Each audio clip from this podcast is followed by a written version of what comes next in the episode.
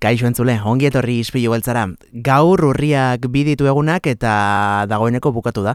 Amaitu da zinemaldia, baina guk hemen gurean oraindik ere zinemari begira jarraituko dugu. Izan ere, pasaden astean ba, ondo jakingo duzun moduan elkarrizketa mordoa.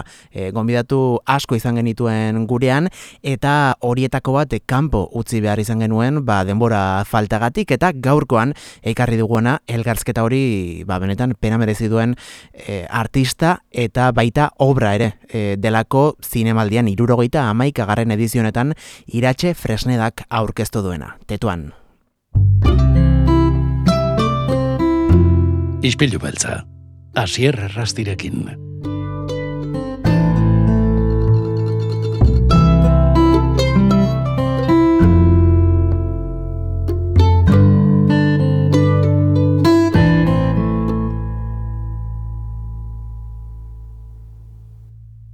Iratxe Fresneda, ongi etorri gure izpilura. Eskerrik asko. Egunon. Egunon. Zer moduz, Iratxe, nola biziko duzu aurtengo zinemaldia? Proiektu bat e, daukazu, zinemiran ikusteko aukera izango duguna, tetuan, baino bada ja e, denboratxo bat e, ba, ikusteko aukera izan genuen hilabete, duela hilabete batzuk, orain ere zinemiran, pantalla haundian, zuk nola biziko duzu zinemaldia hau? Bueno, ba, nik uste dut berezia dala zinemaldi hau, ezta? Trilogiaren bukaera ba- bada, e, am, amaiera bat edo hasiera bat, beste, beste gauzak edo proiektuak gauzatzeko, baina gertatzen dena da zinemaldian, e, da e, normalean, hemen, publiko desberdin egoten dela. Eta beti da lehen aldiz erakutsiko bazenu pelikula bezala, ezta? Orduan, bueno, pixkat urduri, nola ez e, agortu dira sarrerak, lehenengo Mm. egunerako, e, beste egunetarako, ba, bueno, hor antigo berrin gaude, e, e, filmea proiektatzen, baina, bueno, ba, urduritasunez, ointxe bertan heldu naiz, heldu berria naiz e, zinemaldira, eta sarata ja e, senti dezaket, energia, e, bueno, ilusioz biziko dugu. Hemen bai zinema asko dugu aste honetan zehar, berreun filmetik gora, eta horietako lan bat da zurea, e, pixka bat, e, bueno, gukukatze aldera, aipatu duzu, hau trilogia baten azken lana dela, e, zuke beste elkarrizketaren batean aipatu duzu, erregistroaren trilogia. E, konta egozu pixka bat, e, nola sortu zen hau, eta zein izan den helburua hiru lan hauetan bildu nahi zenuen hori, e, bilduta geratu da, dagoeneko. Izen pomposoa ematen du badala, ezta? e, registroa, zeote da hori, ezta? Baina e, azken finean zer da nola begiratzen dugu munduan, eta nola egiten dugu klika, ezta? Zeri begiratzen diogun, zeri ez, zer gelitzen da eskutuan, eta guzti horrek zer nolako eragina daukan gugan, ez? Gure mundua sentitzeko, bizitzeko eta ulertzeko eran, ezta? Zentzu hortan, ba, abiatu ginen e, irrintzearen oi hartzunak pelikularekin e, ba, ibilbide honetara, zinebagintzaren ibilbide honetara, e, erakutsiz nola bait, e, iskutatuta zegoen emakume baten e, historioa, ez da? Bere historia eta bere zinea, bere zinea batez ere, miren txulo jarterena. Gero lurralde hotzaekin mm, egin genuena izan zen pixkat kontrakoa. Absentziatik joan ginen gehiagikerira. Hau da, zenbat irudi dauzkagu, egiten ditugu, sortzen ditugu, eta azkenean, irudi guzti horiek, irudi bera izkutatzen dute azken finean, ez da? Bata besteare gainean, azkenean ez dakigu zer maneiatzen dugun eskutartian, ez da? Eta bukatzeko batetuan, hemen aurkeztuko duguna, eta tetuan bada, e, estereotipoetatik alde egin nahi du edo urrundu nahi duen e, proposamen bat, ez? Proposamen zentzuntan na, tekstu filmiko bat, ez da? Eta hor, ba, pertsonak dira importanteena. Estereotipoak hausteko, e, migrante bezala definitzen ditugun e, pertsona hoien atzean, identitateak aurkitzeko eta dibertsitatea ere ulertzeko. Hmm. Pelikula, azken pelikula honen hasiera edo zure aitzakia, esan dezakegu, aita dela, Carmelo Fresneda. E, hasieratik e, bazenekien hori izango zela aria eta hortik tirako zenuela, edo ez dakit material hori izan zen pixka bat e, ideia piztu zuena, edo nola sortu zen e, pelikularen struktura? Hortik abiatu zen, hori izan zen detonantea eta ez hori bakarrik, e, nahi nuen aitaren historioa kontatu. Mm. Hau da, e, fikzio bat egin nahi nuen, pelikula bat egin nahi nuen, ez dakit zer nolako e, trikimailu narratibuekin, behar bada ez fikzio e, komertzialaren komertzialatikat, baina iz, aita izan zen e, detonantea. E, gutun bat aurkitu nuen, orain dela urte asko etxean, e, non irakur nezakeen, ba, familiako pertsona batek idazten ziolan eramari esan ez, ba, ez zintzuela eskondu Carmelorekin. Ba, Carmelo Moro asalako, ez da, kanpotarra, ez da. Eta amak esan zuen, bueno, ba ez, Carmelo maite dut, eta eskondu egingo naiz, eta berekin ba, bizitza bat hasiko dut, ez da. Eta une hartan sentitu nuen nik, e, behar bada beste askok sentitu izan dutena, eta sentitzen dutena egunero, etengabe, ez da. E, ez garela hemengoak esangoak batzuetan, naiz eta hemengoak etangoak izan danak, ez? Eta sentsazio hori nola begiraten, begiratzen dugun besteari, e, bestea nola definitzen dugun, horrek eraman nindun, ba, aitaren historioa txikitzean nola bait, historia handiago baten e, mesedean, ez da, historio kolektibo bat eratzeko. Eta hor sartzen dira, tetuanen agertzen diren, bi, bi pertsona gazte eta marabillosu horiek. Hasieran eta pelikulan zehar ikusi alditugu zure familiko irudi batzuk oso politak direna zuk material hori ezagutzen zenuten etxean mm, bazenekiten hori existitzen zela edo hasi zarenean proiektuan izan duzu horren berri. aurkikuntzak egon dira, eh? Mm. Egia esan aurkikuntzak egon dira. Batzuk, ba, geneuzkan, ba- badago, badaukat materiala, ba, sortxe mila pelikula egiteko.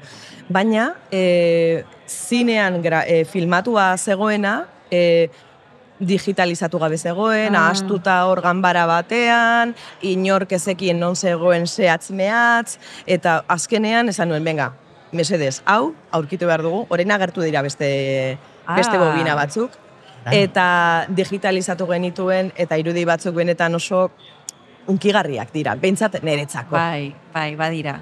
Imaginatzen dut ez dela emozionalki lan erresa izan zuretzako, honakoa. E, ez, ez da izan erresa, baina beste aldetik oso, oso ederra izan da, e, aitaren, ait, aitak e, bizitako lekuak bizitatzea, ez da? Eta pentsatzea, bueno, ba, hemen egontzan aita, ez? Hemen kontatzen zuen bere egontzala, txikian nintzenean zendu zenez, ba, nik nire bera kontatako historio guztiak netzat fantasia bat bihurtu dira, une honetan, ez da? Ia berroita urtekin. Eta zentzu hortan, bere pausoa jarraitzea, bere imaginatzea lekuetan, egia zan oso gauza politak gertatu dira ibilbide horretan, e, bat kontatu dezaket. Bai. Gehiegi, kamaren, kameretan ez da ikusten, Bai. baina tetuanera heldu ginenean, ba, aitaren arrastroiek jarraitzera, Bai. batzuk aurkitu ditugu, beste batzuk ez, Aiton Amonen e, e, ostalaren bila joan ginen. Bai. Hor bizi izan zelako eta ostaltxu bat zutel, zutelako, ezta? Eta orduan, e, ara heldu, eta hor beste familia bat, Maroko, Marokokoak ziren beste pertsona batzuk bizi ziren hor, ezta? Eta oso ederra izan zen nola beraiek ateak ireki zizkiguten, gonbidatu, bertaratu, egon beraiekin erakutzi eta etxearen ondoan hitz egiten. Frankoren inguruan ere hitz egin zuten, Mm. eh? Oso interesgarra izan zen une hori. Kameren atzetik gertatzen dena, badakizue batzuetan, interesgarriena izan daitekela. Bai, Bai. agian bai. E, iratxe, esan dugu, aitaren historia izan dela pelikula honen abia puntua, gero, e, ba, partikularretik universalera egiten duzu, pertsonaia e, batzuei esker, oso e, protagonista potenteak aurkitu dituzu, nola e, izan zenuen hoien berri, ezagutzen zenuten elkar aldez aurretik, edo kastin bat egin duzu, edo nola, nola izan dago? Bueno, kasti bat egitea pentsatu genuen, baina bestalde, e, nere beharra historia hau kontatzeko eta migrazioaren inguruan sortzen den imagi, imaginario horrekin neukana serrea e, nolabait gauzatzen zen inguruan nituen pertsonekin. Eta Irina ezagutzen dut aurra denetik. Eta Mohamed nere lagun mina, minaren etxean bizi izan zan garai Mhm. batez. Beraz oso gertu nituen eta mm, beraiek proiektuarekin oso emozionata eta implikatuak eh, egon dira eta badaude eta aurrera egin nuen beraiekin iruditzen zitzaidalako fantastikoak zirela. Eta gainera, ispilu joko batzuk egiten dira pelikulan, beraien pertsonaiekin eta Bai. e, zera, lehen aldian izandako beste pertsonaiekin batera aita Bai. edo amarirekin. Ez. Mhm.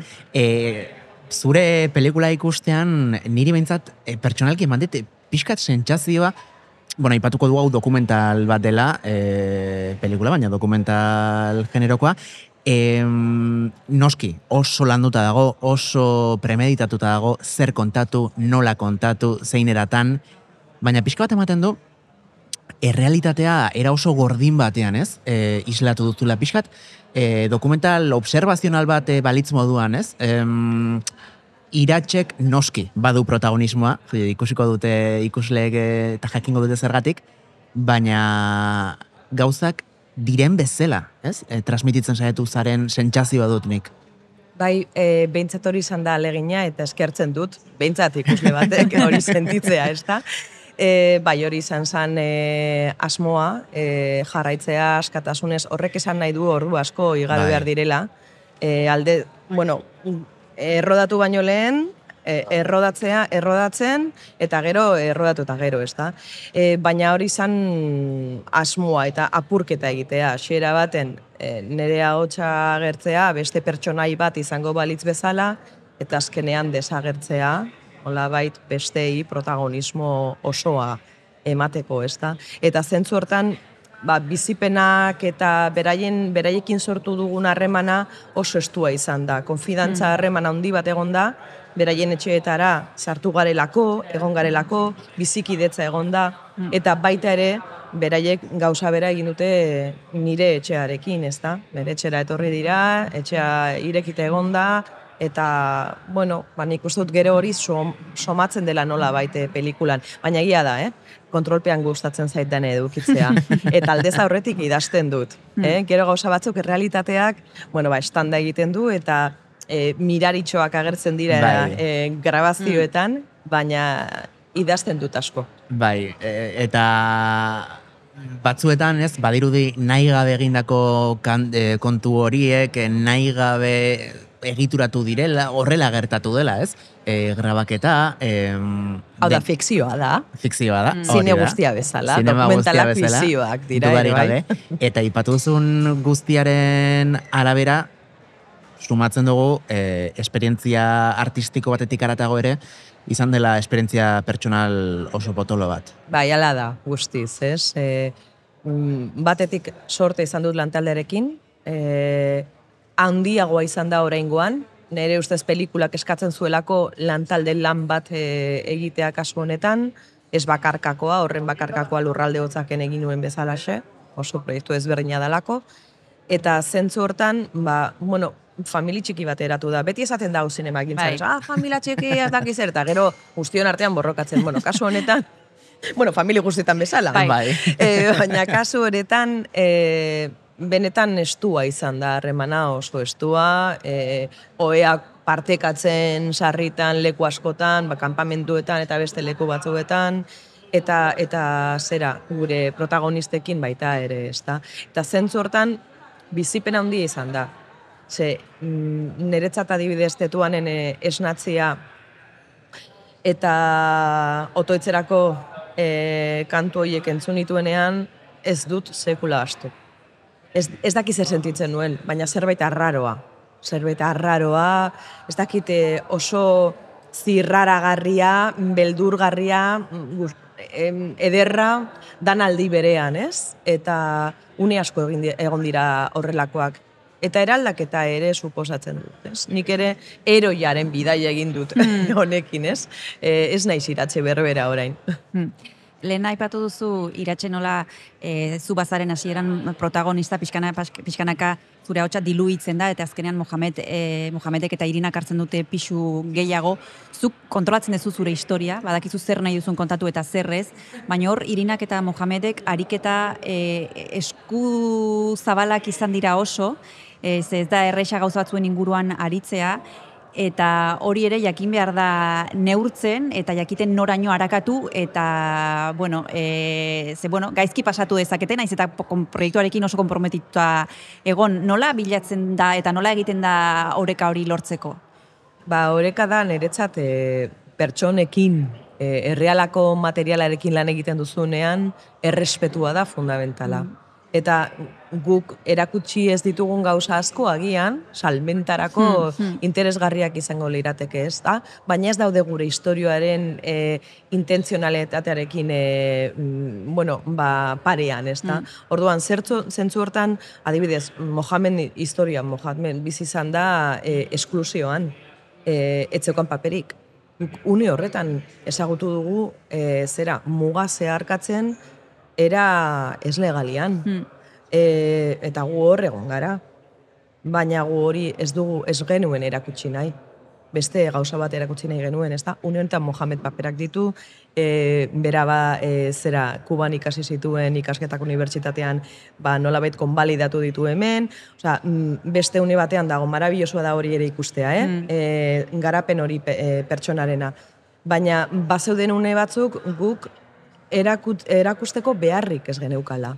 Eta nik uste dut horrek e, e, beraiek eroso sentitzea zu, e, sortu, osea, sentsazio hori sortu duela beraiengan. Hmm.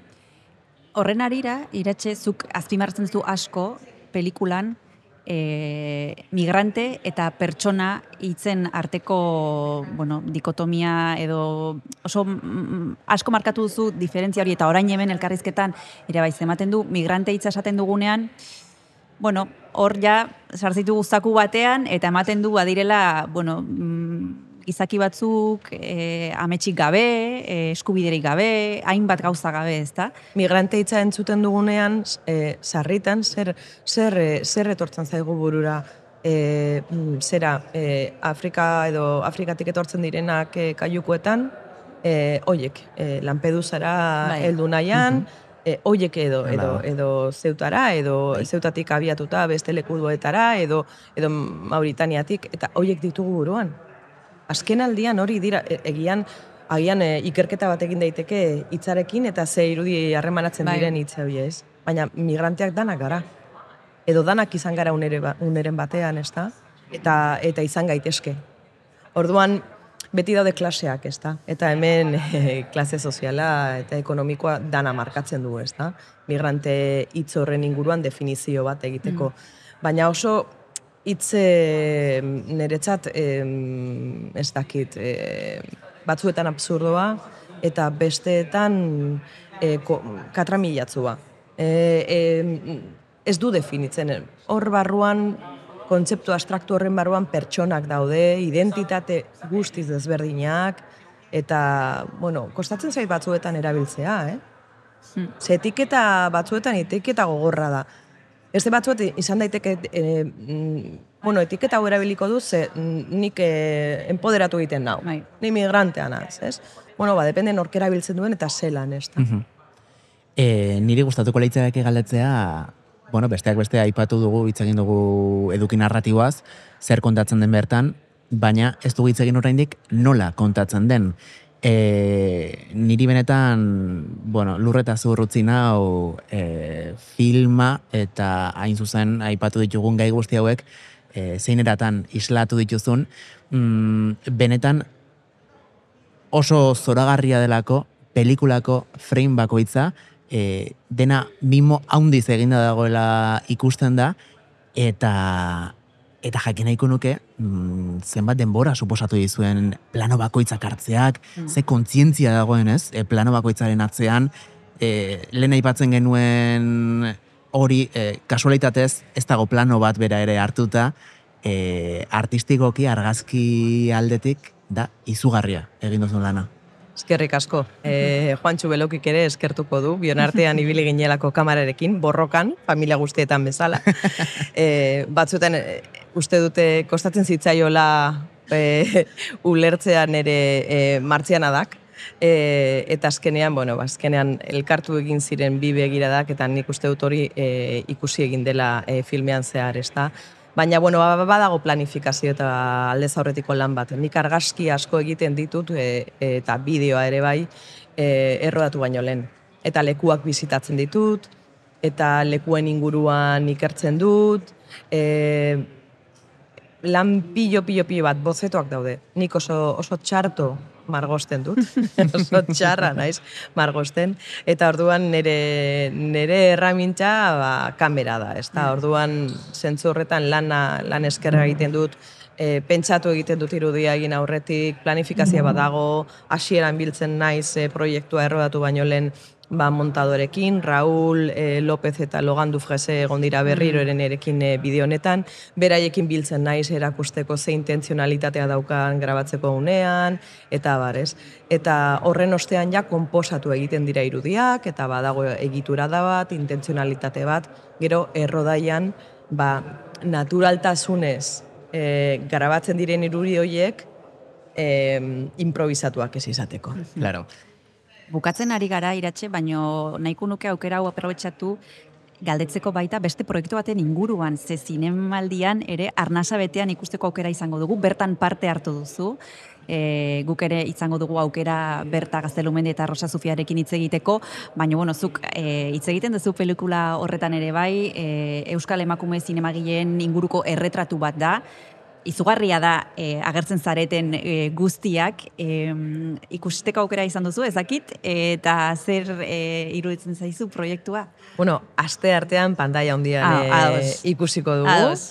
E, nik zerbait e, ikusi dut pelikularen inguruan, e, ikusita daukadala ezin, ezin, ezin da esan, ze ikusi behar da zinema, Bai. zinemako pantaila handi horretan, eta mm, nik esango nuke e, oso lan ederra egin dutela. Lan asko egin dute, e, dokumentazio pilo bat, eta nola dena josi historio guztiak, oso era elegantian egin dute, eta, bueno, ba, dokumentu bat era, eratu dute. Dokumentu bat eratu dute, e, bueno, zinemagintzaren, e, gure zinemagintzaren historiarako, eta Estatu Espainoleko eta Europako zinemagintzarako baliogarria izan, izango dena. Mhm. Eta beste proiekturen bat, eskuartean, orain triologia bukatu dela. Ba bai, badaukagu bat. Nola ez. bueno, badaude errodatuta, errodatuta dagoen bat, badaukat amaituta orain dela e, urteak, baina montatzeko astirik ez dut izan, e, hasiko naiz e, muntaia e, ja sendotzen e, hilabete hauetan, lasai, e, labur metrai bat da.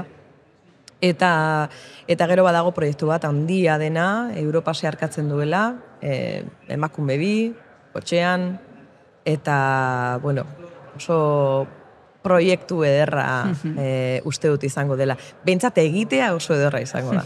Ez dakigu urrengo zinemaldian hemen izango zaren, baina ziur urrengo edizioetako batean, bai, e, proiektu hau orkesten, iratxe fresneda benetan, mila milioi esker, izpilu beltzara gerturatzeagatik. Eskerrik asko zuet, eta goraztea e, zeian, urriaren zeian, zinemareto komertzialetan egongo dela tetuan, beraz, e, gonbita egiten dugu hemendik. Oso ondo, ba, puntatzen dugu, orain badekizue pase batzuk daudela hemen zinemaldian, baino eh, ezin baduzue e, oietara joan, urriaren seitik aurrera, zinema areto komertzialetan. Eskerrik asko. Zuoi.